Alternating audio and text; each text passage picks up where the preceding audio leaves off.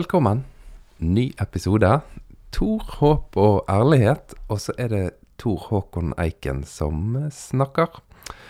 Og du har eh, tatt deg tiden til å høre en ny episode. Det setter jeg umåtelig pris på. Tusen takk. Det er så, så kjekt. Jeg håper jo at det er fordi at du syns det er litt interessant med gamle tekster og den kristne troen og Jesus og evangeliet, alle disse gode ordene. Jeg håper du håper du kan kjenne litt på at ja, kanskje det er emner som er aktuelle å kjenne til og snakke om også i 2021. Um, jeg syns i hvert fall det er interessant, men det har du skjønt for, for lenge, lenge siden. Og til dagens episode så har jeg jobbet ganske mye. Det kan jeg si uten å overdrive. Mye er jo veldig sånn udefinert, så jeg kan si mye uten å lyge. Men jeg opplever i hvert fall at jeg har jobbet mye med denne. Og så prøvde jeg å lage den episoden som en sånn massiv info. Bam, rett inn, en halv time, ferdig med det. Og så ja, tenke at det skulle være Jeg skulle få inn alt dette innholdet på, i én episode. Men så merker jeg når jeg hører opp igjen de opptakene, at nei, dette fungerer ikke. Det blir for mye og for mange retninger i en episode. Så nå prøver jeg Du hører kanskje det. Nå prøver jeg å roe ned, starte i en ende, og så kan det hende at det blir to episoder ut av dette emnet her. Og eh, emnet dreier seg rundt liksom, Må jeg tro alt dette? Må jeg være helt overbevist om at det som står i de hellige tekstene, er sant, er fakta? Eh, hva, liksom, hva er det egentlig å være en kristen? Å være kristen, er det å tro noen bestemte ting, og i, i en så sterk utstrekning at om du ser at andre ting er mer riktig, så må du bare skyve vekk fakta og personlige opplevelser fordi at jeg har en tro i bunnen som jeg bare må holde fast på. Um, jeg tror jo ikke det. Og om denne innledningen var uklar, så tror jeg at i løpet av denne praten her, så kommer du til å være med meg på noen tanker som jeg er ganske sikker på at du vil synes det er interessant. Vi skal begynne litt med et spørsmål som jeg har fått. Og det er liksom hvorfor jeg bruker så mange eksempler fra det som vi kaller Det gamle testamentet. Og i bunn og grunn så er det fordi at jeg synes at de tekstene er veldig spennende. Jeg synes de er veldig interessante å jobbe med. Og den andre siden av det er så enkel at Jesus, han forholdt seg bare til de tekstene. Altså, han var grundig opplært fra han var ung, i Moselovene og i eh, profetbøkene og salmene. Det var en helt naturlig del av alt han sa og tenkte. Altså, det er nesten ingenting Jesus sier som ikke er hentet fra det som vi kaller Det gamle testamentet. Det er den ene siden som gjør at jeg syns det er interessant å jobbe med Det gamle testamentet. Det er fordi at den personen som er sentrum av kristen lære og tro, han forholdt seg nesten utelukkende til de bøkene. Og så begynte det for mange år siden en prosess der jeg begynte å tenke hvordan er det han må ha lest disse bøkene for å komme frem til det han kom frem til? For det er jo klart at Jesus var aldri en kristen. Og han ville aldri blitt ansett som kristen i dag. Fordi at han leste disse tekstene og forholdt seg til disse tekstene veldig annerledes enn det vi er blitt opplært til å gjøre. Det, ja, som sagt, det var den ene siden. Og så er det en annen side. Det er at det var et begrep som jeg tror egentlig Martin Luther løftet veldig frem.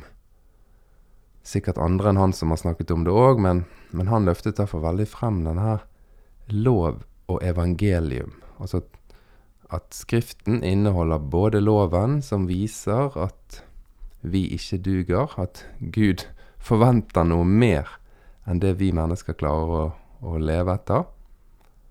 Eh, mer kjærlighet, mer omsorg, mer tanker for vår neste. Eh, og så inneholder også Skriften evangelium.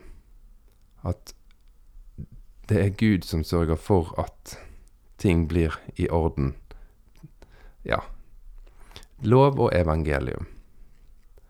Og det har jo utviklet seg til en veldig sånn misforstått tanke, tror jeg, da, i, i, eh, i vår del av verden. Der vi har liksom lagt Det gamle testamentet, ja, det kaller vi for loven. Ekstremt misforstått, sant. Og så Det nye testamentet, det kaller vi for evangelium. Litt sånn underbevisst, da. Sånn at det også jobbe med de gamle tekstene og snakke om det De tekstene sin historiske kontekst det lever vi egentlig veldig greit med. Det er ikke det så mange som blir irritert over. For det er liksom Ja, det er jo bare loven. Den gjelder ikke oss lenger. Og så har vi på en måte kuttet vekk eh, aller meste av de gamle tekstene, som vi syns det er veldig vanskelig å forholde oss til. Og så later vi litt som at Men Det nye testamentet, det er veldig annerledes. Der er det evangelium, og der er det sant, det som står, og det som leses der, det kan virkelig bare, ja, sånn er det bare. Og så kjenner jeg da at hvis jeg begynner å jobbe mye med sånne tekster om Jesus da, i Nye testamentet, så er det så veldig lett for å lage eh, temaer som liksom får Jesus til å være på mitt lag, til å mene det jeg mener. Det liker jeg heller ikke. Det er jo veldig vanlig å ta Jesus sine ord til inntekt for seg sjøl. For han sa ufattelig mye klokt, sant. Vi, vi, har jo alle lyst til å være på same, same page as Jesus, altså samme tanker som han. Ja, det er det jeg prøver å få frem. Nei, så det har ikke jeg lyst til å gå i den uh, grøften der. Um, og liksom ta hans liv og holdninger til inntekt for det jeg tenker å jobbe. Så jeg har rett og slett ventet litt med nytestamentlige tekster. Um, men i dag så skal jeg I løpet av denne episoden så skal jeg lese noen, noen linjer til deg fra Det nye testamentet. Og det leses inn i settingen det der med at vi har en uh, kristen arv i Norge som sier at Bibelen er Guds ord, og at når folk setter spørsmålstegn ved tekster i Bibelen, og spesielt da Det nye testamentet, så blir vi litt sinte. Da er det liksom et angrep på troen. Mens jeg tror at det er, det er ikke sånn Det er ikke det som er tanken med disse tekstene. Det er, ikke, det er ikke det at de er riktige. Det er ikke det at de har faktainnhold som er viktig. Og når du skal late som faktainnholdet i de gamle tekstene i Det nye testamentet er riktig, så må du liksom fornekte virkeligheten. Og det som gjerne skjer, er at i ungdomstid så klarer du på en måte å fornekte den virkeligheten. Nei da, da bare bekjenner jeg Skriftene og sier hva som står der, og det som står der, er sant. Men så er det nå engang sånn at du begynner jo å studere. Livet ditt tar en form, og du møter mennesker, og du møter situasjoner. Og så skjønner du Nei, det går jo ikke an. Sånn kan det ikke være. Og så må du liksom velge, da. Og dette tror jeg er mye av grunnen til at en del mennesker ikke klarer å forholde seg så mye til Bibelen. Fordi at hvis utgangspunktet ditt er at den er riktig, ja, da blir du skuffet. Ja, men Tor, hvordan kan vi da forholde oss til de gamle tekstene hvis de ikke er riktige? Ja, nå sa jo ikke jeg at de ikke var riktige, men jeg sa at du kan ikke forvente at faktainnhold i alle de tekstene er riktig. Det er jo sånn Du finner jo ikke én historiebok uten faktafeil. Altså, det er jo alltid det. Og historie er jo alltid tolkning. Og veldig mye av Det nye testamentet inneholder historiefortelling. Og faktisk gjenfortelling av historier som har skjedd 50, 60, 70, 80 år før de ble nedskrevet. Altså, de som har skrevet det, var aldri til stede der det skjedde. De har øyevitnefortellinger som igjen er videre fortalt, kanskje. Og da vet vi at de der faktaopplysningene i en fortelling, det blir jo aldri da helt rett. Og hvis du har en litt sånn avslappet holdning til det når du nærmer deg bibeltekster, så kan du finne så mye mer kjekt og nyttig og sunt innhold enn hvis du skal late som om de er sanne. Nå skal jeg lese det lille utdraget til deg. Så kommer jeg ikke til å kommentere så mye på det nå. For etterpå så skal vi prøve å ha et lite sånn historisk sveip sammen. Å, hørtes ikke det kjekt ut?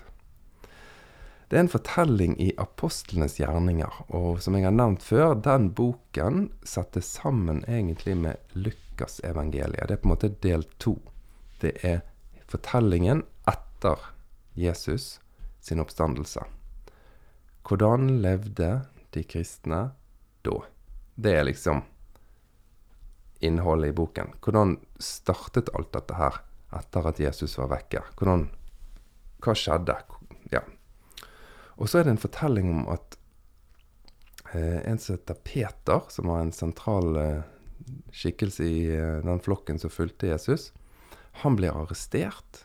Og på ganske mirakuløst vis så kommer han seg ut av det fengselet. Og så, da i slutten av kapittel 12 i denne apostlenes gjerninger, så er det en fortelling om en konge, en kong Herodes. På en fastsatt dag kledde så Herodes seg i kongelig skrud. Han satte på, seg på sin trone og holdt en tale til dem. Folkemengden ropte, Dette er Guds røst, ikke et menneskes. Straks slo en Herrens engel ham, fordi han ikke ga Gud æren. Han ble fortært av ormer og døde. Ja, nå fikk du kanskje lyst til å bare stoppe hele denne podkasten. Det ble for absurd. Nei, bare la den fortellingen ligge der i bakhodet så skal vi gjøre et historisk sveip som jeg Ja, jeg lover at du kommer til å synes at det er litt spennende. Huh, nå lover jeg, og da skal jeg prøve å holde det.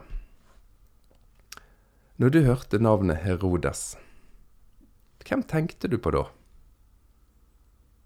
Kjenner du til noen Herodeser i historiefortellingen?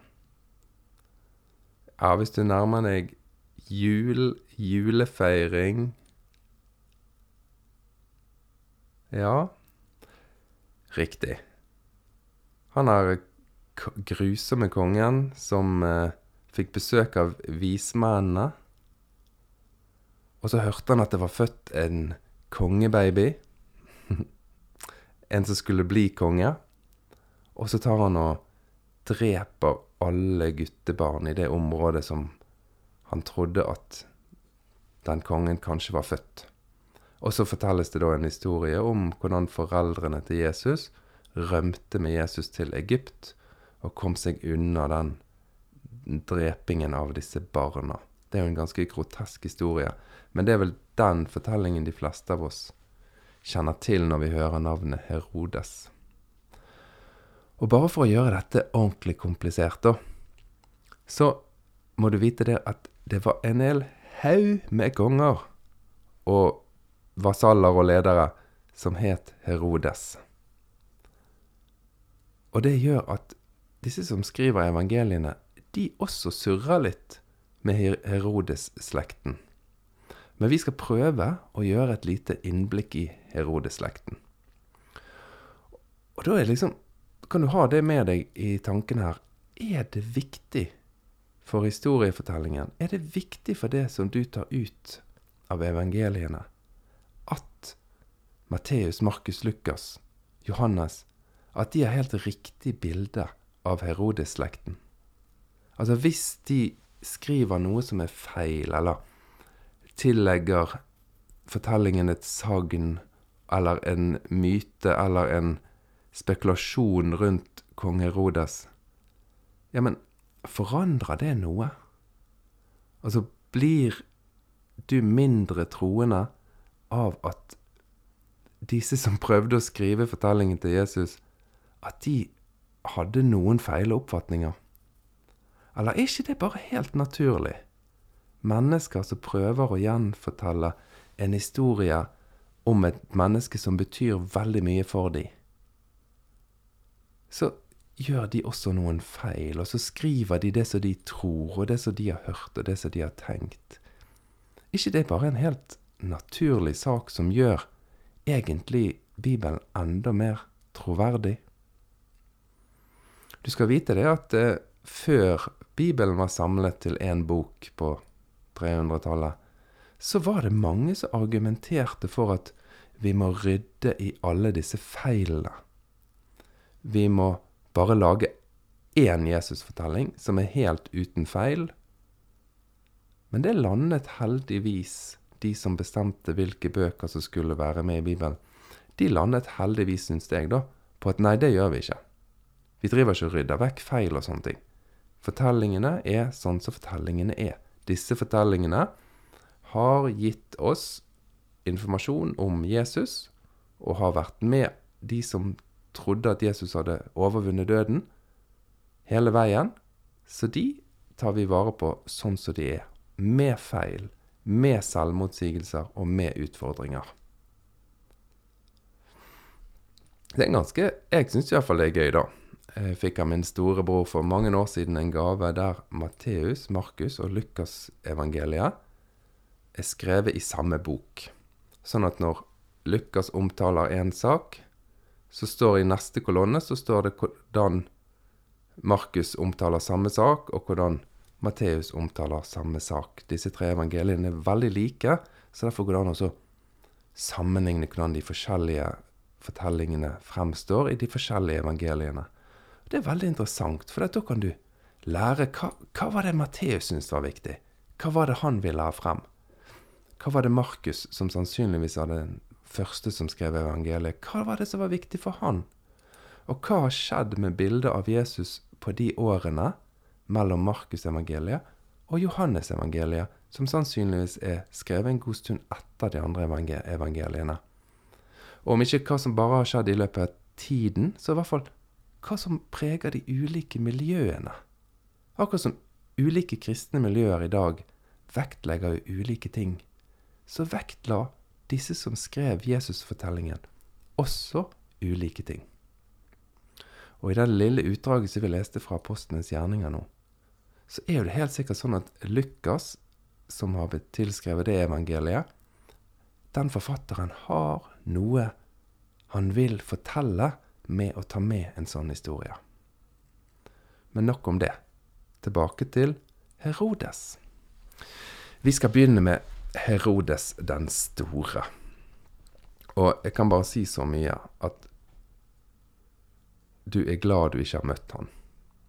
Herodes den store gjorde så mye crazy grusomt at Ja, klar, ja du har jo bare ikke lyst til å vite det meste, egentlig, men, men du, må, du må få med deg noen ting bare for å skjønne bildet. For det første det er ikke noe negativt, men han var ekstremt dyktig, virker det som, i å innynde seg med de riktige menneskene på riktig tid til å få de riktige posisjonene. Han var nok en fyr som ønsket veldig sterkt å være jøde. Som hadde veldig sånn så opp til den jødiske kulturen. Men han var liksom ikke skikkelig jøde. Hans slekt var ikke skikkelig jødisk. Så han kunne aldri bli ypperste prest, eller helt inkludert i, i gruppen, som han hadde veldig lyst til å være.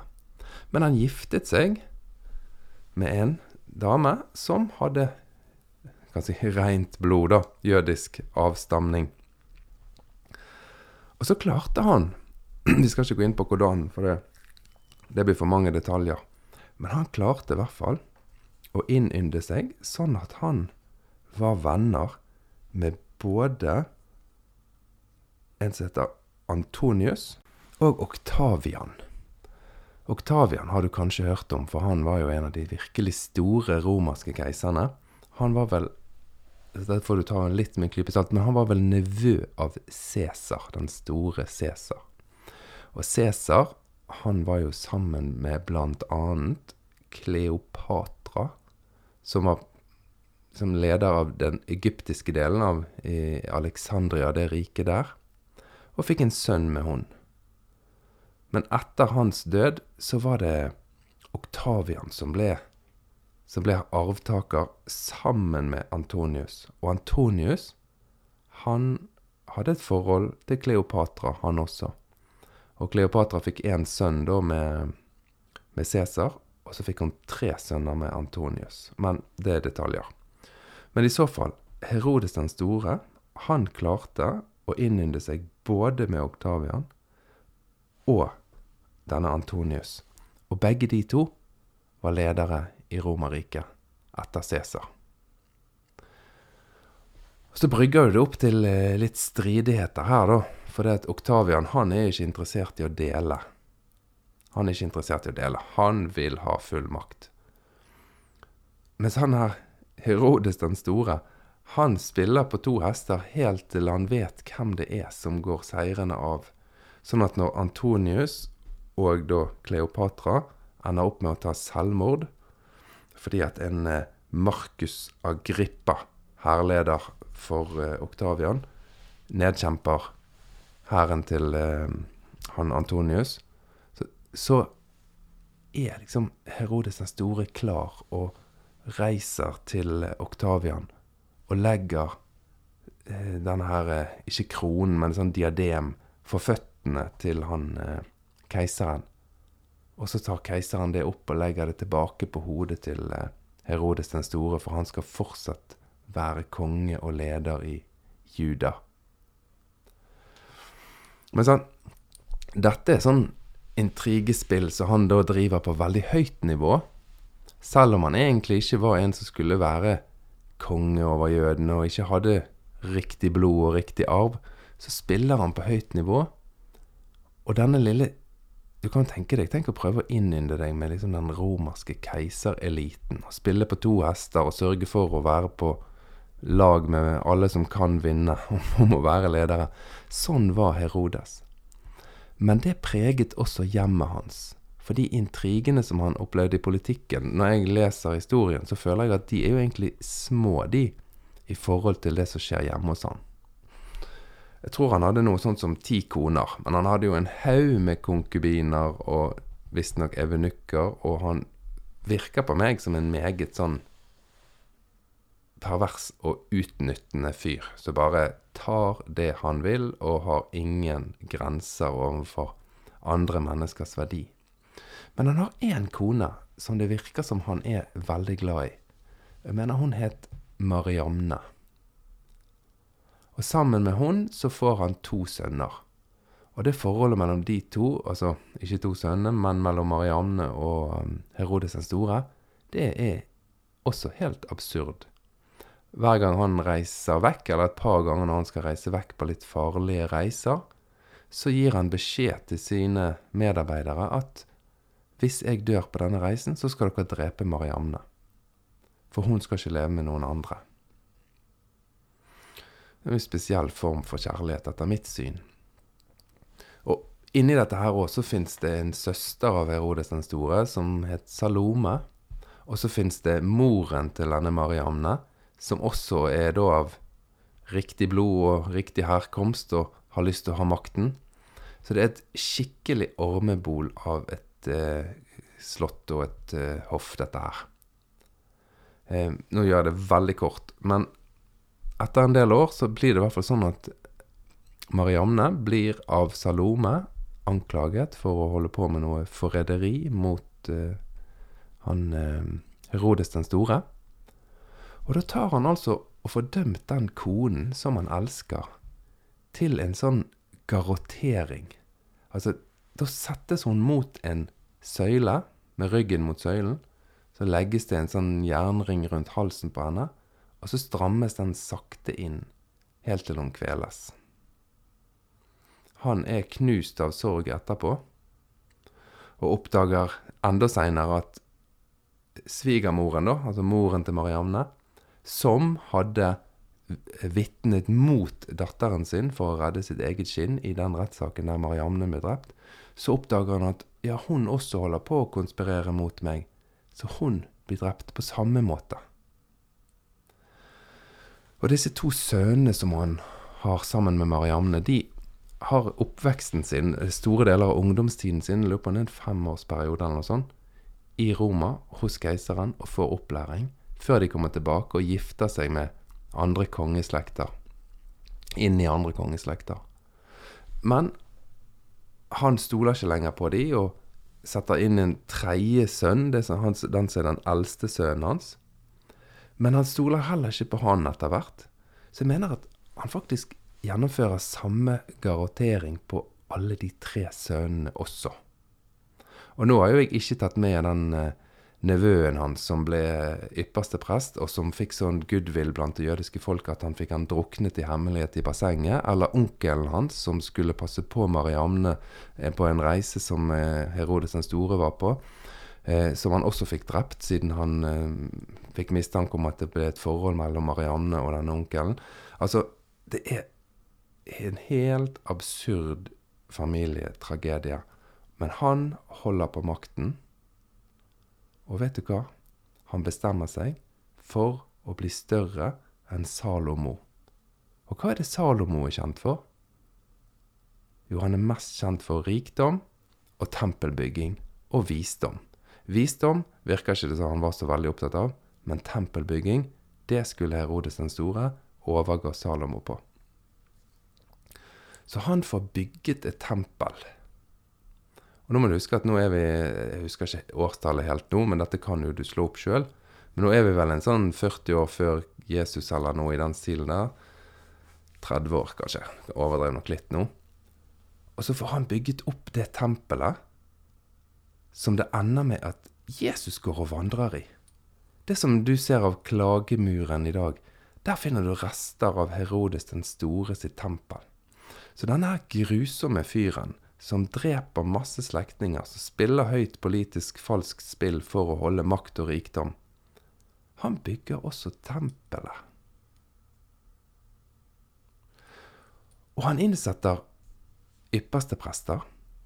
Skikkelig sånn korrupt, incestiøs system, det òg. Der alt skal være innenfor samme blod og innenfor samme maktelite. Det fascinerende er jo at i de nye testamentlige tekstene, så merker du når du leser at forfatterne der er mest irritert på fariseerne og jødene. Altså, de blir hele tiden løftet frem som skurkene og luringene. Men historisk sett er det nok denne her korrupte makteliten i tempelet, som òg kombinert med sånn romersk herredømme, som er Jesus sine reelle fiender, og som tar livet av han. Men igjen, når de skriver en fortelling og lever i et miljø, så er du påvirket av miljøet du lever i.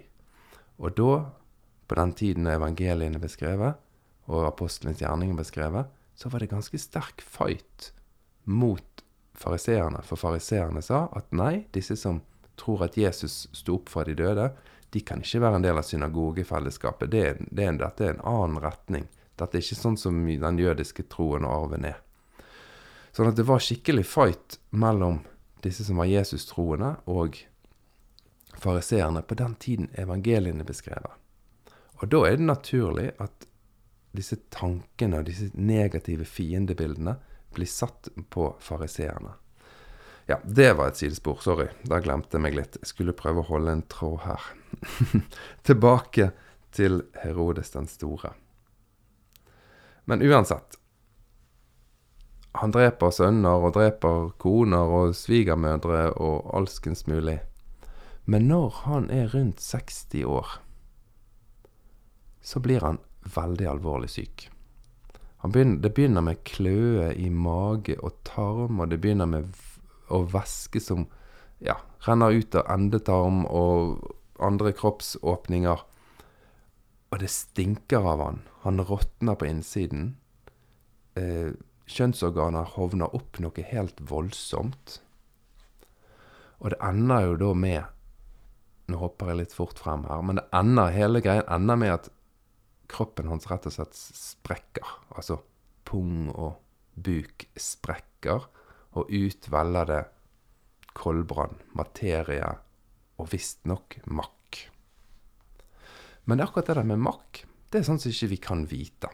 Uansett hvor mye historikerne kan lese og finne dokumentasjon og, og eh, eh, hva heter det, testamenter som han hele tiden skrev, fordi han byttet jo ut hvem av barnene som skulle arve han osv. Så, videre. så det ble skrevet nye testamenter som ble brakt til keiseren i Rom for å få godkjenning av han. Og disse tingene er jo i stor grad bevart. Så vi vet ganske mye. Men akkurat det der med makk, ja, det er jo litt sånn typisk den tiden, da. Litt overtro om at makk og orm spiste de, disse her forferdelige menneskene, disse som var ugudelige, sant. Så det, det også om, om du kan tro den saken, er lite Det er vanskelig å vite. Men vi kan være ganske sikre på at det stinket råttent av denne kongen og at i begravelsen hans så var det enorme mengder med røkelse og alt sånt for å, for å dempe denne grusomme opplevelsen. Men nå sa jeg at jeg hoppet litt langt frem. Fordi at denne her, etter vår tidsregning, så døde denne Herodes den store omtrent i år fire. Noen år før romerne gjorde den store folketellingen, som er beskrevet i Bibelen som en ting som skjedde akkurat når Jesus ble født. Men for meg så er ikke det så viktig om de årstallene treffer helt.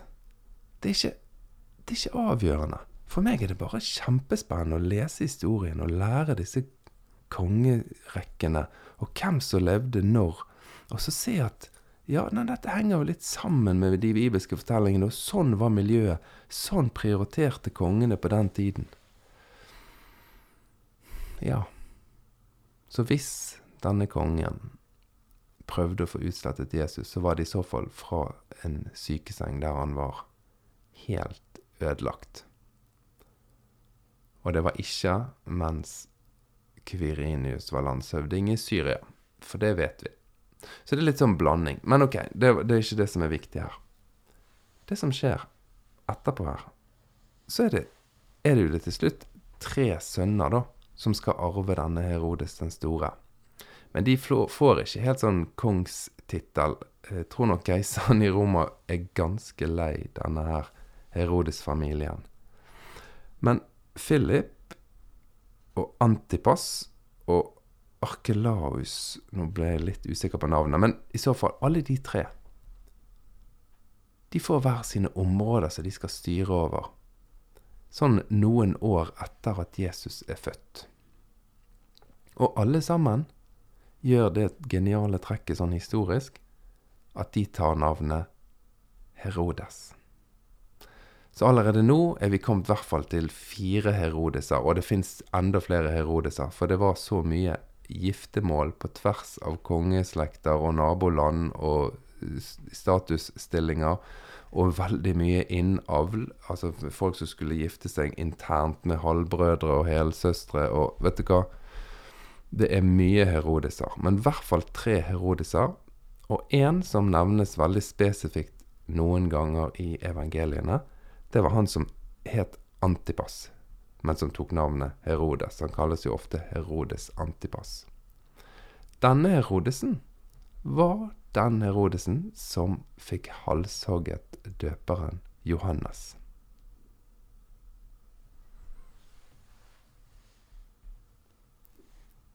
Og denne Herodesen var den som Jesus ble advart mot. Jesus fikk beskjed om at nå er han ute etter deg. Og Jesus bare svarte full av forakt. Vet du hva, dere kan bare gå og si til den reven at det bryr jeg meg ikke om. Jeg er her når jeg vil være her, og så i morgen er jeg et annet sted. Det var tydelig at den livsførselen og denne selvopphøyelsen som disse Herodes-slektene holdt på med, levde i luksus og rikdom og utroskap og orgier, mens det jødiske folket led av sult. Det var en fyr som Jesus ikke hadde noen respekt for. Ja. Hvorfor forteller jeg denne fortellingen her? Jo, fordi at etter disse Herodesene her, så kommer det noen flere Herodeser. Og jeg vet ikke om du husker så vidt at jeg nevnte at Agrippa var en hærfører som vant, kamp, vant, slaget som førte til at Antonius og Kleopatra tok eh, selvmord. Agrippa og denne her Herodes den store, som vi begynte med, og Oktavian, som da ble keiser Augustus, de var veldig nære venner. De, de omgikks og hadde kontakt og snakket sammen. Og jo mer jeg har lest historien, så ser jeg hvor utrolig fascinerende denne connection mellom Herodes-slekten og keiserne i Rom er. Den er ganske, ganske tett. Mye tettere enn jeg hadde trodd, da. Men etter da Antipas og Philip og Arkelaus, så er det altså noen flere Herodeser. Og dette gjør det ganske forvirrende, hele pakken. Men dere husker kanskje da Herodes Agrippa Det er en, en skikkelse som også blir tatt frem i, uh, i apostlenes gjerninger. Og så kommer det til og med Herodes Agrippa nummer to, som Paulus møter i apostlenes gjerninger. Og så tenkte jeg å bare lese til deg noe som gir litt sånn fylde til denne fortellingen. Og du skjønner liksom denne, noe av denne absurde blandingen av hvem disse kongene var. For det virker som når de var i Jerusalem, og de var på det slottet, og i den byen, så ville de ha jødisk tilknytning. Da var de på en måte litt sånn begeistret og overgitt til den jødiske kulturen. Men når de var i andre byer, i Cesarea og andre steder så de hadde sine palasser, ja, da levde de som sånne her skikkelig hva skal vi si, hedenske konger, da. Og der de også gjorde seg sjøl litt til sånne halvguder. Litt sånn som det var tradisjon for i den i, i romersk tradisjon, da. Der keiserne ble guddommelige. Og Sånn gjorde også disse kongene. Men han her ene gripperne, da. Han får vite at nå, nå er keiseren lei alt rot og bråk og oppstyr, for det er det mye av i Jerusalem. Jødene vil ikke la seg styre og herse med av romerske ledere. Så keiseren vil virkelig Nå vil jeg slå ned. Slå ned alt dette opprøret og alt dette rotet. Og da skriver denne her ene Agrippaen, da, til keiseren. Hør nå. Jeg er, som du vet, jøde av fødsel, og min hjemby er Jerusalem, hvori ligger det helligste tempelet tilegnet den høyeste Gud. Dette tempelet har, min herre Gaius, fra opprinnelsen aldri huset noen figur som er skapt av menneskehånd, fordi det er den sanne Guds hellige sted. Din bestefar, Markus Agrippa, altså han hærføreren som nevnte tidligere, besøkte og æret tempelet, og det gjorde likeledes Augustus. Altså keiser Augustus. Oktavian, han som vi begynte med, han som var venn med med Herodes den store. Han takker også Caligula for den gunsten som er blitt vist han. Men jeg bytter alle de godene mot én ting alene. At fedrenes institusjoner ikke blir forstyrret. Enten må jeg fremstå som en forræder mot mine egne, eller opphøre å regnes som din venn slik jeg har vært. Det er ikke noe alternativ. Så her ser du en av disse crazy Agrippa-folkene virkelig ta en stand for det jødiske folket og det jødiske tempelet, og sier til og med til keiseren, den daværende keiseren, at vet du hva, hvis du går mot tempelet, så kan ikke vi lenger være venner. Hjelpe meg. Men nå skal jeg skynde meg litt. Så skal du bare få avslutningen i dag, sånn at det henger sammen med det som vi leste fra apostlenes gjerninger. Agrippa 2, han møtte Paulus, og han var venn med keiser Nero. Og bare sånn at du skal få et fullt litt mer inntrykk her. Jeg anbefaler deg gå inn og søk etter en podkast som heter Synderne. Og så finner du en episode som heter Nero. Da vil du skjønne veldig mye mer av hvordan det romerske riket var, og hvordan disse keiserne, hva makt de hadde, og hva de drev med. Og du vil skjønne enda mer om hvorfor Paulus skriver romerbrevet sånn som han skriver. Men det var en, det, det var en annen side, sidevei. Men jeg har bare lyst til å lese også fra en, en historiebok om denne Agrippa, som til slutt bare reiste fra Jerusalem og slo seg ned i eh, Cesarea, på det slottet han hadde der. Og der står det sånn Senere holdt Agrippa hoff som en gresk gudekonge i gullbelagte kapper på forumet i Cesarea.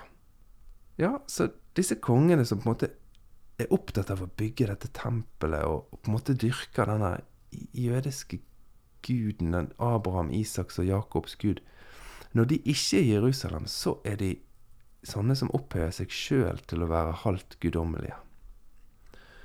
Og da sier historikeren at han ble rammet av magesmerter, og seinere så døde han. I Apostelens gjerninger så leste vi at det ble litt mer enn bare magesmerter han døde av. Der sto det at det straks slo en Herrens engel han fordi han ikke ga Gud æren. Han ble fortært av ormer og døde. Så før neste gang, før neste episode, så kan du kanskje tenke, deg, tenke litt om er det viktig at den setningen som står her i apostelens gjerninger, at det var en Herrens engel som slo han, og han ble spist av ormer, er det viktig at det er en sann informasjon? Eller kan vi tenke at det, den historiske informasjonen som vi finner i si, i bevarte skrifter i det romerske imperiet, som forteller liksom sånn skjedde det, sånn skjedde det Går det an å tenke at historien kan være riktig, men at Bibelens forfattere også hadde behov for å legge til, forklare og understreke at ugudelighet ble slått ned av Gud. Dette er jo en tanke som fikk mange følger, mange følger, og det kan vi kanskje få tatt litt opp i neste episode. Denne tanken om at det skjedde fordi Gud var sint på den, det skjedde fordi Gud var glad i den. En tanke som egentlig Jesus tar Hvis vi skal tro i evangelienes gjengivelse av Jesus sine ord, da, så er det en ting som Jesus tar ganske sterk avstand mot. Så det er egentlig litt interessant at Lukas legger vekt på det når han skriver apostlenes gjerninger. Men det viktigste spørsmålet her, som vi må grunne på til neste gang, det er at er det avgjørende? Er det avgjørende for meg som tror på Jesus sin døde oppstandelse? Er det avgjørende for meg om den som skrev apostlenes gjerninger, hadde helt riktige fakta? Eller om han kanskje blandet litt myter og tanker som var knyttet til Herodes den store sin død, der han sprakk og ormer og makk og sånn kravlet ut av betennelsen i kjønnsorganer og mage. For det, at, det er tydelig at det jødiske folk, de ber for denne her kong Agrippa. Jødene kledde seg i sekkelerret og ba for helsen hans, men forgjeves. Denne Agrippa hadde altså den utstrålingen og følsomheten som skulle til for å samle jødiske moderate, jødiske fanatikere og romere. Der døde den eneste mannen som kunne ha reddet Jerusalem.